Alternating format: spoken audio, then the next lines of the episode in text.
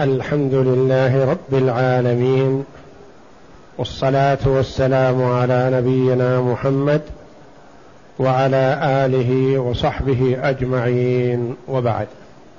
بسم الله بسم الله الرحمن الرحيم. قال المؤلف رحمه الله تعالى ميراث الغرقى ونحوهم. قول المؤلف رحمه الله تعالى ميراث الغرقى ونحوهم. الغرقى جمع مفرده غريق وهو الذي مات بالماء. ونحوهم أي ممن ماتوا بكارثة مجموعة متوارثون ماتوا بكارثة واحدة. كالحرق والهدم وحوادث السيارات وحوادث وسقوط الطائرات وكوارث الحروب والأمراض الفتاكة. هؤلاء يكون مجموعة متوارثون ماتوا جميعا. أحيانا يميز بينهم واحيانا لا يميز كما سيأتينا بأن أحوالهم خمسة. هؤلاء إذا مات المتوارثون بصفة من هذه الصفات فلهم هذه الأحوال الخمسة التي يذكرها المؤلف رحمه الله وسنعرفها إن شاء الله حالة حالة. نعم. ما حكم ميراث الغرقى والهدم ونحوهم؟ للغرقى والهدم خمس حالات. للغرقى والهدم الذين ماتوا بهدم أو ماتوا بحرق أو ماتوا بالتماس كهربائي أو ماتوا بحوادث السيارات وهم متوارثون كأن يكون الزوج والزوجة والأبناء أو الإخوة أو الأب وأولاده أو الأسرة الواحدة المتوارثون حصل عليهم حادث من هذه الحوادث فلا تخلو أحوالهم من خمس حالات. الأولى أن يعلم تقدم بعضهم على بعض ففي هذه الحال يرث المتأخر المتقدم إجماعا. الحال الأولى أن يعلم تقدم بعضهم على بعض. ولو بلحظة. يعرف مثلا أن الزوج خرجت روحه في الساعة الواحدة ظهرا والزوجة خرجت روحها في الساعة الواحدة وثلاث دقائق تنظر الساعة. في هذه الحال ترث الزوجة من زوجها إجماعا ولا يرث الزوج من زوجته لأنه مات قبلها. قال العلماء ولو بلحظة إذا عرف أن هذا تأخر عن هذا ولو بدقيقة واحدة فإن المتأخر يرث من المتقدم بالإجماع بإجماع أهل العلم لأنه كان حيا قبله ولو بدقيقة فإنه يرث. وهذا لا إشكال فيه وعلى غرار ما سبق. إذا تأخر أحدهما عن الآخر وعلم ولو بدقيقة واحدة ورث المتأخر من المتقدم. نعم. الثانية أن يعلم أنهما ماتا معا فلا يرث بعضهم من بعض إجماعا. الحال الثانية أن يعلم أنهما ماتا معا في لحظة واحدة في دقيقة واحدة. خرجت أنفاسهم في ثانية واحدة. ما تقدم أحدهم على الآخر بشيء. في هذه الحال لا يرث أحدهم من الآخر إجماعا. في هاتين المسألتين أجمع العلماء. تقدم أحدهما على الآخر وعلم ولو بلحظة ورث إجماعا. استويا في لحظة واحدة لا يرث أحدهما من الآخر إجماعا لأنه كيف يورث؟ شخص ميت كل واحد حين موت صاحبه هو ميت معه. فلا يرث ميت من ميت حينئذ. المسألتان من الخمس أو حالتان من الخمس بالإجماع. الأولى التوارث بالإجماع. الثانية عدم التوارث بالإجماع. إذا خرجت أرواحهما في لحظة واحدة كأن يكون عندهم أناس يشاهدونهم زهقت أرواحهم جميعا خرجت أنفاسهم ولم تعد. في لحظة واحدة هذا بالإجماع لا يرث أحدهما من الآخر. نعم. الثالثة أن لا يعلم تقدم ولا تأخر. الثالثة ألا يعلم تقدم ولا تأخر. يعني أتوا في الصباح فوجدوا ميتين في غرفتهما. لا يدرى أيهم مات أولا. ولا يقال إنهما ماتا معا لأن ما في أحد يشاهدهم. ولا يقال إنه تقدم الزوج على الزوجة أو تقدمت الزوجة على الزوجة ما في أحد يشاهدهم. فلا يعلم عن حالهم إنما وجدا ميتين. أو في حادث سيارة مثلا جاءهم من مر بهم فوجدهم أموات. فسئل فقال وجدت الاثنين أو الثلاثة أو الخمسة أموات. ولا أدري عنهم هل تقدم أحدهم أو لا. ألا يعلم تقدم ولا تأخر ما يعلم عنهم شيء. نعم. الرابعة أن يعلم ثم ينسى. الرابعة أن يعلم ثم ينسى. يعلم أن واحد مات قبل الآخر. ويعرف. لكن من هول المصيبة ومن الفزع الذي حصل ما يدرى. الذي مات أول هو زيد أو عمرو.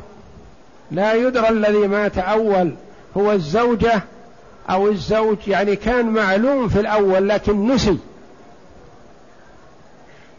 هذه الحال الرابعة أن يعلم يعني حال خروج الروح يعلم أن هذا خرجت روحه قبل الآخر وأن هذا الزوج وهذه الزوجة أو هذا الأخ وهذا أخوه أو هذا الأب وهذا ابنه يعلم لكن نسي بعد ذلك. نعم. الخامسة أن يعلم ثم يجهل. الحال الخامسة أن يعلم أن أحدهما تقدم على الآخر ثم يجهل. وش الفرق بين يجهل وينسى؟ معلوم مثلا يعلم المسعف جاء إليهم فمات واحد ثم مات الثاني ورآهم وعرفهم لكنه ما نسي لكن ما يعرفهم. يقول أنا أعرف أن واحد تأخر عن الثاني خمس دقائق لكن ما أدري لأني ما كنت أعرفهم من قبل وهم إخوة متساوون ما أدري. أنا متأكد إن واحد تأخر عن الثاني لكن من هو اللي تأخر ما أدري. أنت عرفتهم من قبل؟ لا. أنا وجدت أشخاص مصابين مثلا واحد منهم خرجت روحه ثم الثاني بعده بخمس أو عشر دقائق. أيهم؟ ما أدري لأنهم مشتبهين علي. فهذا علم أن أحدهم تقدم على الآخر لكن ما يدرى من هو. هل هو زيد أو عمرو؟ الأول علم أنه زيد أو عمرو متقدم لكن نسي. حصل نسيان من هول المصيبة نسي ذهل الأمر. هذه الحالات الثلاث حالتان لا إشكال فيهما بالإجماع. الحالة الأولى أن يتقدم أحدهم بالموت على الآخر فإن المتأخر يرث من المتقدم بالإجماع. الحال الثانية أن يستويا وتخرج أنفاسهما في وقت واحد فلا توارث بالإجماع. بقي عندنا ثلاث حالات. هي التي فيها الخلاف. ما هي؟ أن لا يعلم لا تقدم ولا تأخر. ما ندري. وجدناهم ميتين ولا ندري عنهم. الثانية أن يعلم ثم ينسى. علمنا أن زيد مات قبل عمرو. ثم نسينا. ما ندري هل هو عمرو أو زيد. حصل نسيان. الثالثة علمنا أن واحد مات قبل الآخر لكن ما ندري أيهم. لأن المخبر والمشاهد ما يميز بينهم وقد حمله يعرفهم في أماكنهم لكنهم حملوا من أماكنهم ولا يدرى عنهم ولم يميزهم بصفة تميز أحدهم عن الآخر. فقال أنا أعرف أن واحد مات قبل الآخر لكن ما أدري أيهم. يعلم ثم يجهل لا يدرى من هو. هذه ثلاث حالات فيها الخلاف. نعم. ففي الأحوال الثلاثة الأخيرة مذهب الأئمة الثلاثة مالك والشافعي وأبي حنيفة أنه لا يرث بعضهم من بعض وأن كل واحد منهم يستقل ورثته بميراثه دون من هلك معه. نعم. ففي الأحوال الثلاث الأخيرة مذهب الأئمة الثلاثة أبي حنيفة ومالك والشافعي رحمهم الله لا يورثون واحدا من الآخر. يقول كل واحد يرثه ورثته الأحياء. وأما هذا فلا نورثه. الذي مات معه ما نورثه. نقول لهم لما يرحمكم الله؟ قالوا نعم لأنكم اشترطتم من شروط الإرث. في أول باب أخذتموه في هذا الكتاب. قلتم تحقق حياة الوارث قبل عند موت المورث بعد موت المورث. ولو حكم أو تقديرا تحقق حياة. هل تتحققون حياة الوارث في هذه الأحوال الثلاثة؟ نقول لا. يقول إذن الحق معنا. وقال بهذا القول أبو بكر الصديق رضي الله عنه وزيد بن ثابت واختاره جمع من العلماء وأخذ به عدد من أئمة الحنابلة رحم الله الجميع. فهذا يسمى هو قول الجمهور الذي لا يورث زاهق من زاهق لا يورث ميت من ميت.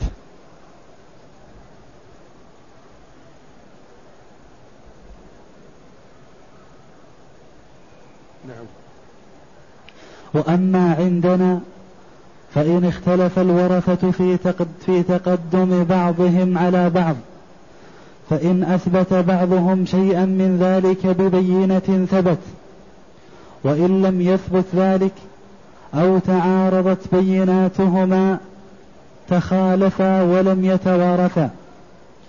وإن لم يختلفوا في المتقدم ورث كل واحد من الآخر من تلاد ماله أي القديم الذي وأما عندنا يعني الحنابلة لأن المؤلف حنبلي فإن اختلف الورثة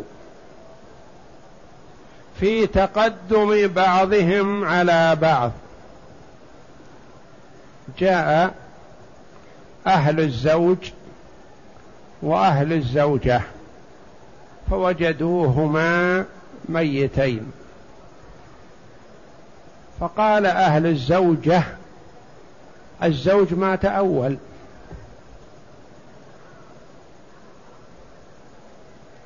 حتى ترثه الزوجة.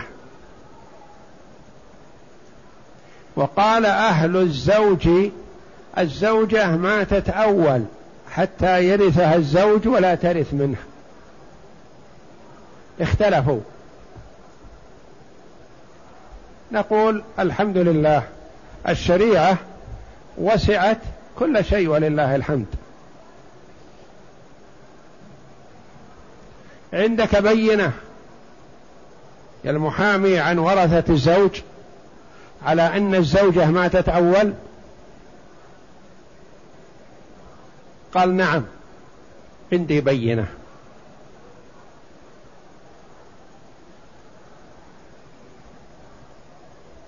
فقلنا لأهل الزوجة هل عندكم بينة على أن الزوج مات قبل زوجته حتى ترثه الزوجة؟ قالوا لا ما عندنا بينة. فنسمع بينة ورثة الزوج ونحكم بها. ونقول الزوجة ماتت أول وورثها الزوج. هذه حال. الحال الثانية قالوا لا بينة لدينا. كل واحد منهم نقول عندك بينة؟ يقول لا وش درينا لكننا كل واحد منهم يقول جئنا ووجدنا صاحبنا.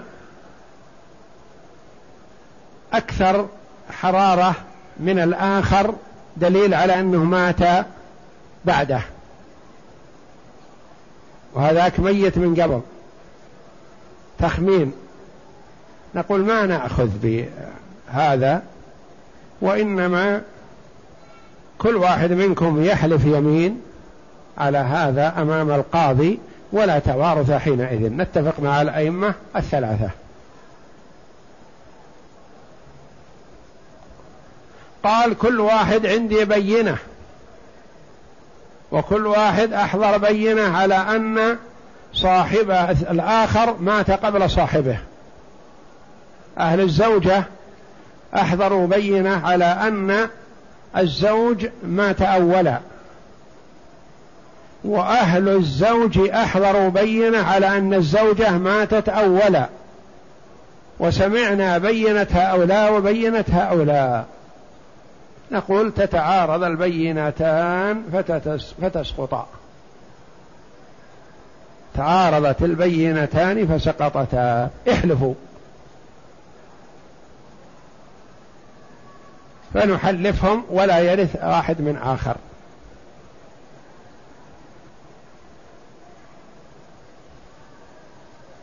إذن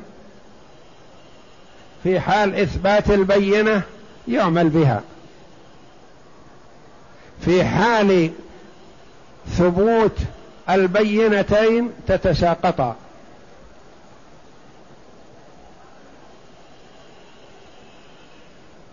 في حال عدم وجود البينتين وإنما قرائن لا قيمة لها.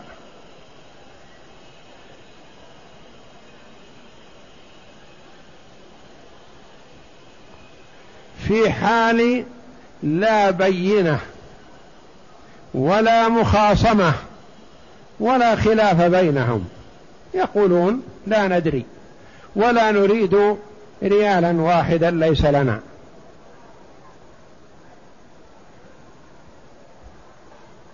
احكم أيها القاضي بما أراك الله. ولن نطالب لنا بشيء. وكل واحد منهم يقول أريد الحق. ولا أريد أن آخذ من مال الآخر شيئا لا يحل لنا. ولا أحد منهم يدعي أن الآخر مات قبل صاحبه. ما في خلاف ولا إشكال وإنما يريدون الحق. فهذه هي الحالة التي نخالف فيها الأئمة الثلاثة. رحمة الله على الجميع. ونقول فيها يرث كل واحد من صاحبه من تليد ماله. من تليد ماله.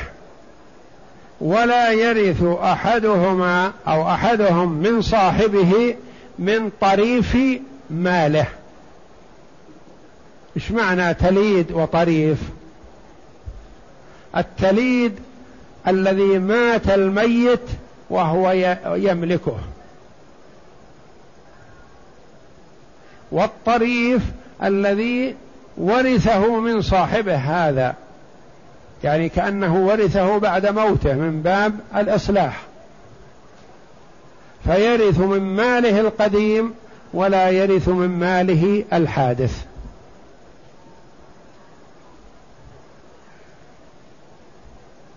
كل واحد يرث من مال صاحبه القديم ولا يرث من مال صاحبه الجديد الذي ورثه من صاحبه. تقريب هذا قبل الدخول في المسائل مثلا زوج وزوجته. الزوج يملك ألف ريال. الزوجة تملك مئة ريال. ومات على هذه الحال أحد الحوالي الثلاث المختلف فيها. نقول الزوجة تملك مئة ريال.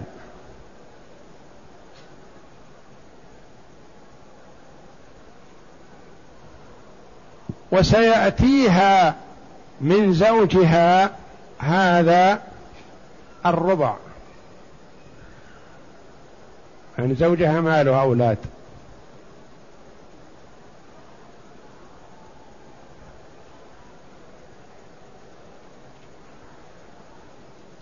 فهي تملك مئة ريال. وسترث من زوجها الربع. ربع ما خلف الزوج. كم؟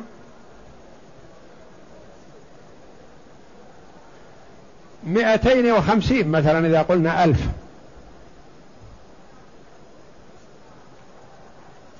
ترث من زوجها المئتين والخمسين لأن مال الزوج القديم. الزوج سيأتيه منها خمسين ريال لأنه سيأخذ منها النصف من نصف المئة. هل ترث الزوجة من من الخمسين هذا الريال؟ لأن الزوج عنده مال تليد ومال طريف. التليد هو الألف وستأخذ الزوجة نصيبها الربع من الألف مئتين وخمسين. ويكون عند الزوج مع الألف هذا زيادة خمسين ريال يرثها من الزوجة لأن له النصف مما خلفت وهي خلفت مئة. فهل ترث الزوجة هذه من الخمسين هذه شيء؟ هو أخذها منها. آخذها من ميراثها. فهذا معنى قولنا ترث يرث كل واحد منهما من مال صاحبه التليد ولا يرث من ماله الطريف يعني الجديد الذي جاءه من صاحبه. لأنه لو ورثت الزوجة من الخمسين التي جاءت للزوج منها معنى كأنها ورثت نفسها.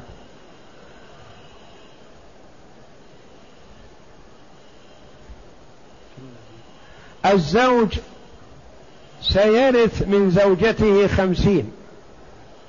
من المئة التي تملكها من قبل. لكن هي جاءها من زوجها هذا مئتين وخمسين أكثر من مالها كله. هل يأخذ الزوج من المئتين والخمسين شيء؟ لا. لأنه لو أخذ من المئتين والخمسين لكأنه ورث نفسه. لأن هذه جاءت منه. فكيف تعود إليه؟ هذا معنى قول الفرضيين رحمهم الله. يرث من تليد ماله لا من طريفه. التليد القديم والطريف الجديد الذي جاءه منه.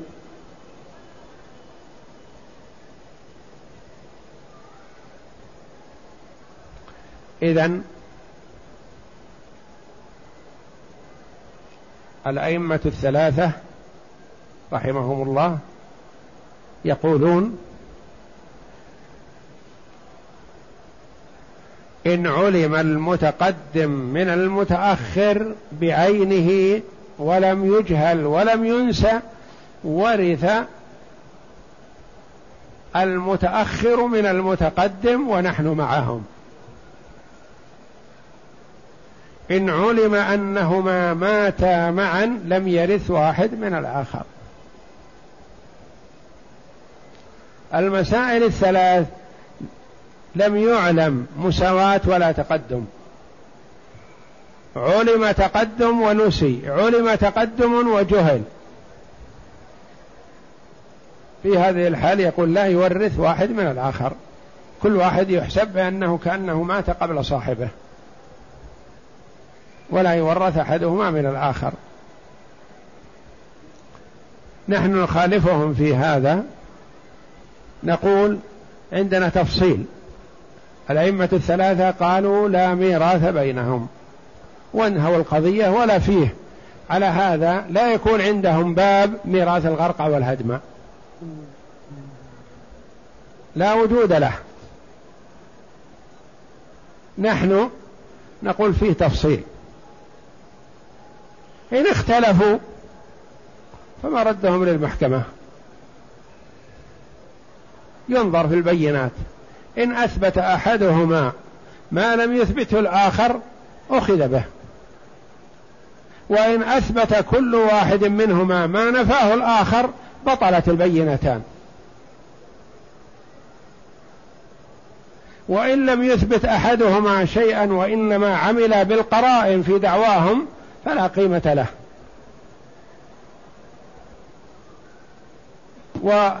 ونحلف كل واحد بأنه لا يعلم أن صاحبه تقدم على الآخر. فلا توارث حينئذ. نوافق الأئمة.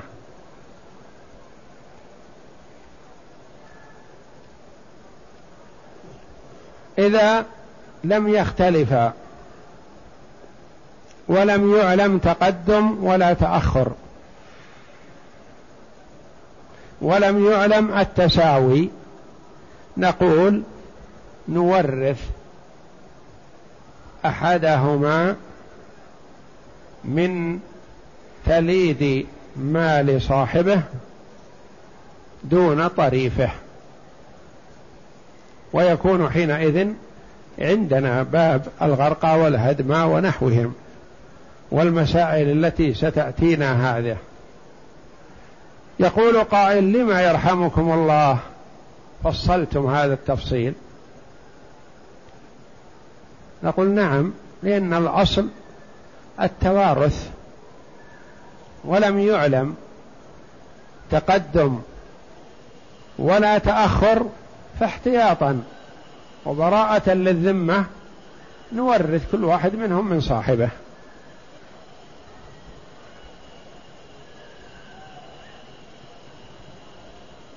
من قال بهذا القول غيركم؟ نقول روي عن عمر رضي الله عنه وروي عن علي رضي الله عنه وعن غيرهم من الصحابة رضي الله عنهم أجمعين. أنهم يورثون كل واحد من الآخر وقد سئل عمر رضي الله عنه في أموات المعارك فقال يورث كل واحد منهم من صاحبه. وروي عنه رواية أخرى أنه لا يورث. قول آخر أن لا يورث أحدهما من الآخر.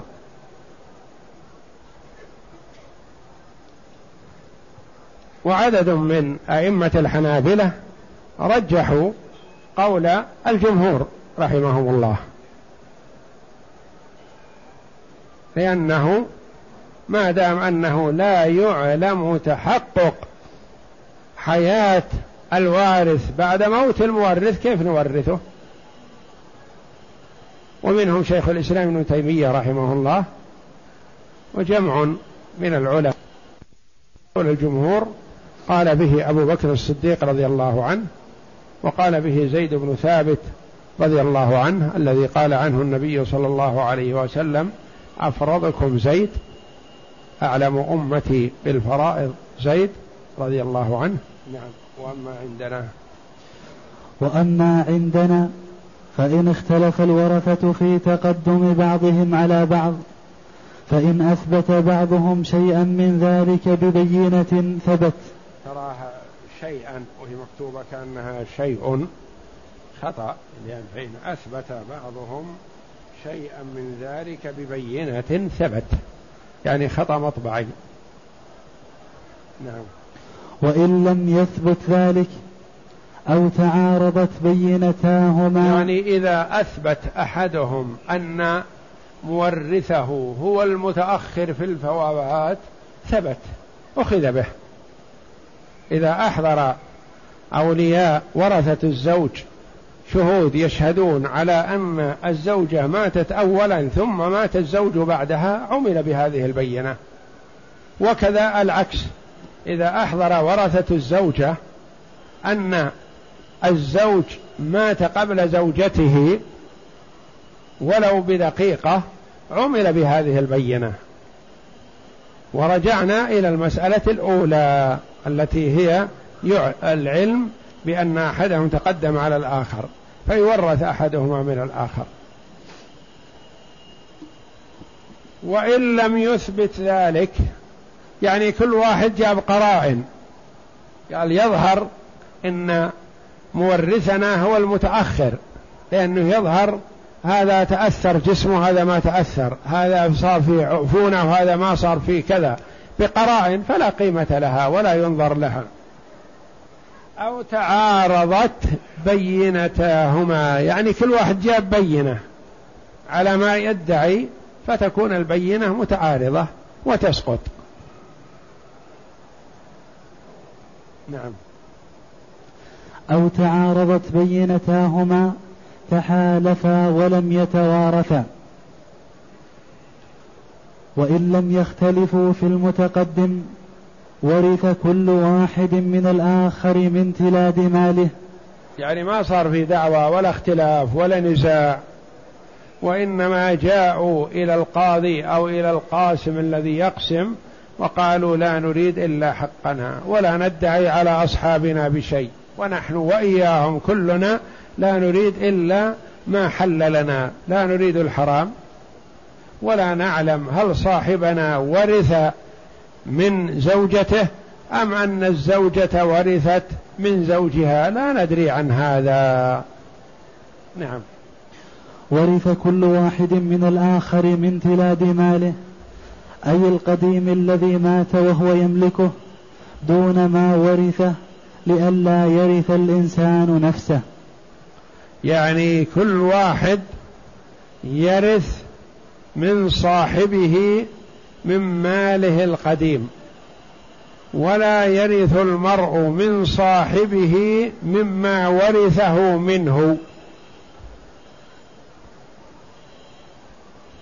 لأن الميت له مالان مال قديم ماله حتى خرجت روحه وهو ماله ومال جديد وهو الذي ورثه من صاحبه هذا الذي معه مات.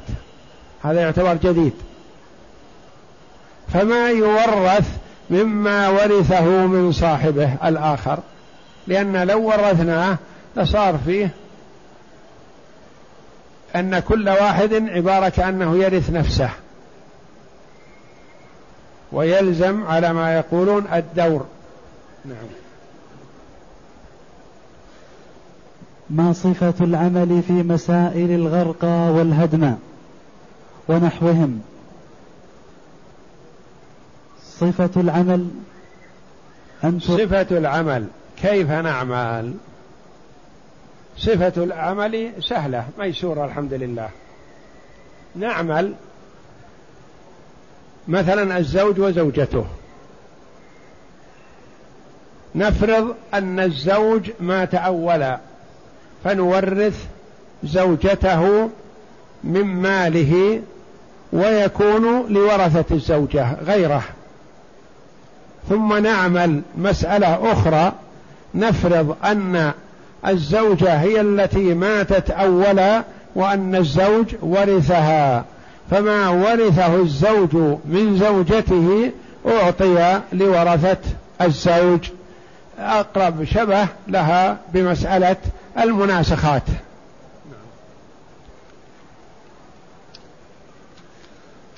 صفة العمل أن تقدر أن أحدهما مات أولا فتقسم أن المسألة فرض ما هو يقين؟ نفرض هذا فرض أن أحدهما مات أولا. يعني نجعل المسألة الأولى فرض أن الزوجة ماتت أول حتى يرثها الزوج. ثم نجعل مسألة أخرى نفرض أن الزوج مات أولا حتى ترثه زوجته. ثم كل واحد يرثه من صاحبه يعطى لورثته لورثته دون صاحبه هذا. فتقسم ماله على جميع من يرثه من الأحياء ومن مات معه. ثم ثم تقسم ما حصل للذي هلك معه على ورثة الأحياء بعد أن تجعل لهم مسألة وتقسمها عليهم. فإن انقسم عليهم صحت الثانية مما صحت منه الأولى. كأن يكون سهامه من الذي مات قبله أربعة. ومسألته من أربعة. نقول صحت. المسألة الثانية مما صحت منه الأولى. أو تكون سهامه ستة. ومسألته من ثمانية. منقسم مسألته من ثلاثة. منقسمة عليهم. أو تكون سهامه ثمانية مثلا. ومسألته من أربعة. أو مسألته من أثنين فتكون منقسمة عليهم. في هذه الحال تكون صحت الأولى مما صحت الثانية مما صحت منه الأولى. نعم. وإن لم تنقسم سهامه على مسألته جعلت مسألة الثاني بالنسبة لمسألة الذي فرض أنه مات أولا. كفريق انكسرت عليه سهامه فتكمل العمل على ما تقدم في باب الحساب. في باب الحساب إذا انكسر النصيب على الورثة فنصححها الذي سميناه التصحيح فيما سبق. نعم. وبهذا تكون قد صححت مسألة مسألة واحد من الموتى وقد علم به قسمة ماله على ورثته وقسمة ما ما ورث ما ورثه الموتى معه على الأحياء من ورثتهم. ثم انتقل إلى ميت آخر وافرض أنه مات أولا واعمل فيه كعملك في الأولى وهكذا إلى آخر الموتى. فمثلا مسألة عندنا. امرأة وابنها. ماتا ولم نميز بينهما. لا تكتب. خليك معي تصورها أول ثم تأتيك إن شاء الله.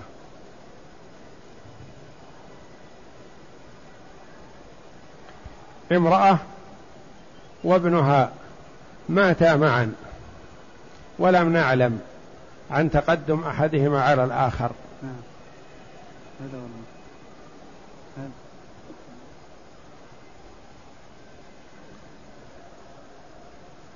للمرأة هذه أب وأم مع الولد الذي مات معها. والإبن هذا له أم هذه التي ماتت معه وله جدته التي هي أم أمه وعنده بنت وعم وإلا أبو أمه لا يرث منه.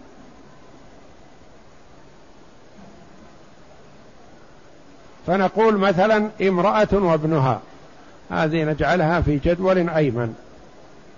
ثم نفرض الأم أنها المرأة هذه ماتت أول ماتت عن من؟ عن ابنها هذا وعن أبيها وعن أمها.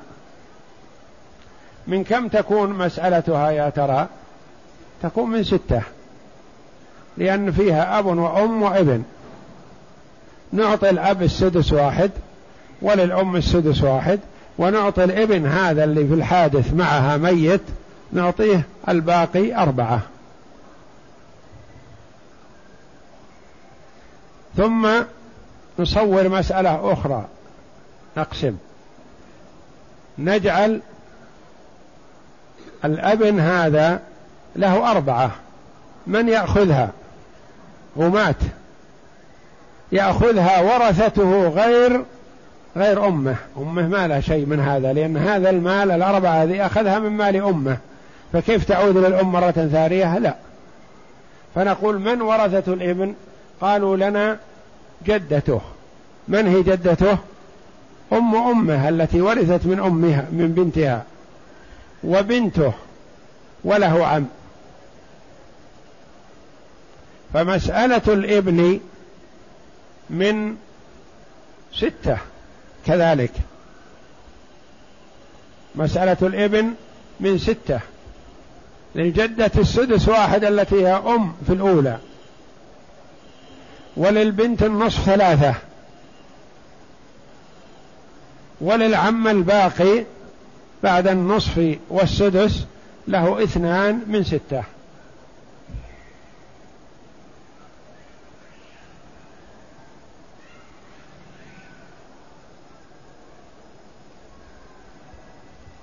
لنا في المسألة نظران. النظر الأول بين سهام الإبن من أمه وبين مسألة الإبن لورثته. سهام الإبن من أمه كم؟ أربعة. ومسألته على ورثته صحت من ستة. ننظر بين الأربعة والستة. نجد بينهما موافقة. موافقة بماذا؟ بالنصف. الأربعة لها نصف وهو اثنان والستة لها نصف وهو ثلاثة. نأخذ وفق المسألة. لا وفق السهام وفق المسألة. وفق المسألة كم؟ ثلاثة. نضربها في المسألة الأولى التي هي ستة. ثلاثة في ستة بثمانية عشر. وهذه عبارة الجامعة.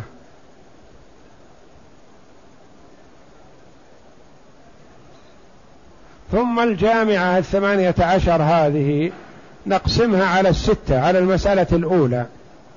تخرج جزء سهمها ثلاثة.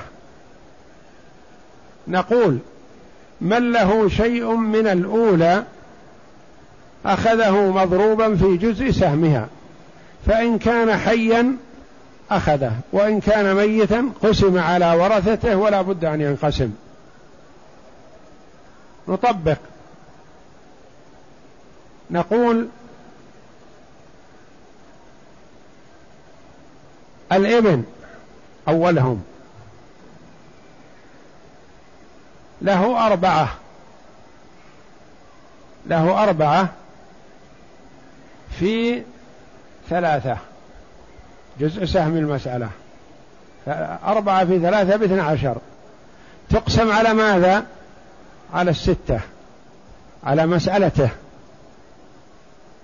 يكون الناتج اثنين.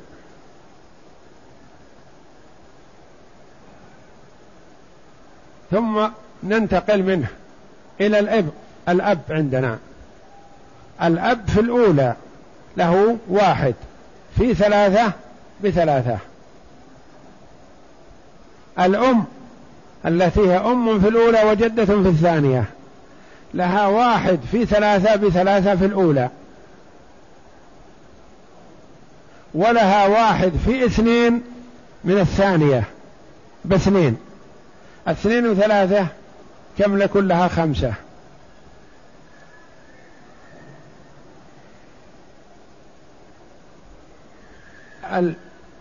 البنت في المسألة الثانية لها ثلاثة مضروبا في اثنين جزء سهمها بستة. العم له اثنان في اثنين بأربعة. نجمع ما تحت الجامعة. للأب أبو الأم في المسألة الأولى له ثلاثة. وللجدة التي هي أم في الأولى لها خمسة. كيف زادت الجدة مع أنها هي زوجة هذا الرجل؟ نعم لأن الجدة هذه ورثت من الأولى والثانية. وأما الجد الأب هذا فهو أب في الأولى وفي الثانية أبو أم ما يرث. فللجدة خمسة. وللبنت في الثانية ثلاثة في اثنين بستة. ستة مع خمسة إحدى عشر مع الثلاثة الذي قبل أربعة عشر. أربعة عشر. وللعم اثنين في اثنين بأربعة أربعة مع أربعة عشر ثمانية عشر تطابقت مع الجامعة. والدرس القادم إن شاء الله في الأمثلة التي معنا في الكتاب. والله أعلم. وصلى الله وسلم وبارك على عبده ورسول نبينا محمد وعلى آله وصحبه أجمعين. اقرأ سؤاله. يقول السائل أنه مريض بالسلس بسلس البول فمتى يتوضأ للصلاة؟ المصاب بسلس البول ومثله المصاب بعدم استمساك الريح ونحوها. هذا حدثه دائم يسمى. من حدثه دائم. يعني في أثناء وضوءه تخرج منه الريح.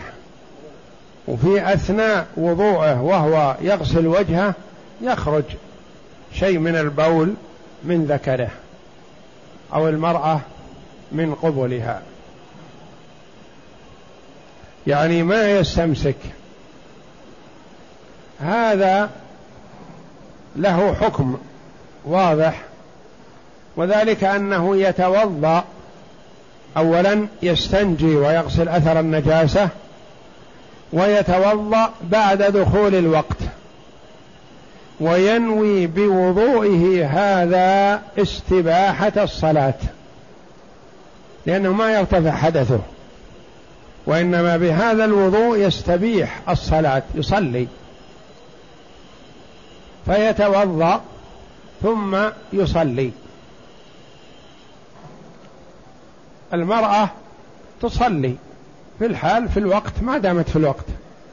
الرجل إن كان انتقاله إلى المسجد يصيب تلويث فهو معذور يصلي في بيته. أو إذا كان يستمسك البول عنده بعد الوضوء ربع ساعة أو أقل أو خمس دقائق أو عشر دقائق فنقول يتوضأ ويصلي في الحال ولا يذهب إلى المسجد.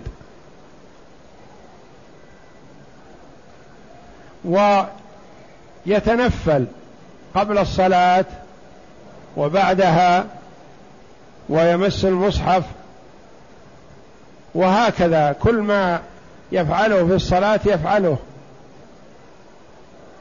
مما يستوجب الطهارة. ما دام في الوقت. فإذا انتهى الوقت عبارة انتقض وضوءه. عليه أن يخرج ويتوضأ وضوء جديد. ومن الوضوء كذلك يلزمه كما ذكر السائل يلزمه الاستنجاء. ليغسل أثر النجاسة. ويلزمه غسل ما أصابه من نجاسة. ثم يصلي بهذا الوضوء الأخير الوقت الآتي إلى حتى ينتهي. فمثلا هو توضأ لصلاة الظهر. صلى الظهر وتنفل قبل الظهر وبعد الظهر وقرأ القرآن بالمصحف. وإن كان في المسجد الحرام طاف بالبيت وهكذا. فإذا أذن لصلاة العصر نقول خلاص انتقض وضوءك الآن. انتهى الوقت الذي توضأت له يلزمك أن تخرج وتتوضأ. وإن كان خرج من قبل نقول لا تتوضأ قبل قبل أذان العصر. إذا أذن العصر فتوضأ. ومثله كذلك إذا توضأ لصلاة العصر وأذن المغرب انتقض وضوءه. لا بد أن يتوضأ للمغرب. وضوء جديد. توضأ للمغرب ثم أذن لصلاة العشاء لا بد أن يتوضأ وضوء جديد. توضأ لصلاة الفجر بعد طلوع الفجر يستمر وضوءه صحيح حتى تطلع الشمس. فإذا طلعت الشمس عبارة انتقض وضوءه. إن أراد أن يصلي الركعتين بعد طلوع الشمس وبعد ارتفاعها قدر الرمح يذهب يتوضأ وضوء جديد لأن وضوءه مؤقت بالوقت فقط الذي هو فيه. يقول أبي مصاب بآلام نزول الدم من الأنف منذ خمسة عشر عاما ينقطع فترة ويعاود. وفي الصلاة يأتيه ويضطر إلى الخروج من الصلاة. أقول نعم إذا أتاه في الصلاة إذا كان لا يتمكن من كفه ومنعه فيخرج. وإن كان يتمكن من سده أو منع جريانه فيكمل صلاته ولا حرج عليه في هذه الحال. يقول السائل هل تجب الموالاة بين الطواف والسعي؟ لا ما تجب الموالاة وإنما تستحب. فلو أنه طاف مثلا الصباح ثم أخر السعي إلى العصر أو إلى الليل فلا بأس عليه ولا حرج. والطواف اشترط له الطهارة والسعي لا يشترط له الطهارة. يقول السائل إذا لم يعلم المتقدم من المتأخر هل يعتمد على الطب الطب الشرعي؟ يعتمد على الطب الشرعي إذا كان الطبيب مسلم وشهد شهادة تقبل شهادته.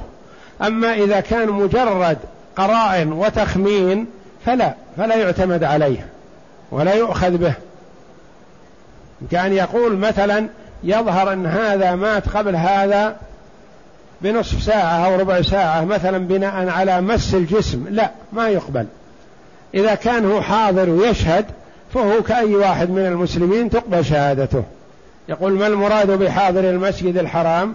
حاضر المسجد الحرام هم من كانوا في مكة قالوا أو حولها. يعني الذين لا يجب عليهم هدي إذا تمتعوا بالعمرة إلى الحج أو أحرموا قارنين بالعمرة والحج معا لا يجب عليه هدي إذا كان من حاضر المسجد الحرام يعني من مكة وما حولها. والخلاف فيما بعد قليل فيما كان دون المواقيت وهو أبعد من مكة فيه خلاف. يقول طفت بين الصفا والمروة وهرولت الأشواط الأربعة الأولى كلها من أولها إلى آخرها. جهلا أو نسيانا لا بأس عليك. وأما إذا كان على سبيل التعمد مع العلم بأنه لم يشرع فلا يعتبر خطأ. والسعي صحيح.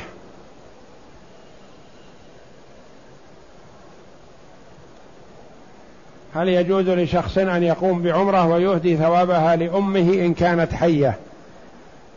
اولا لا يعتمر ولا يحج عن الحي إلا اولا بعلمه وإذنه وموافقته. ثانيا أن يكون غير قادر ببدنه أن يصل إلى مكة. فيجوز. وأما إذا كان قادر فلا. والميت يعتمر عنه مطلقا.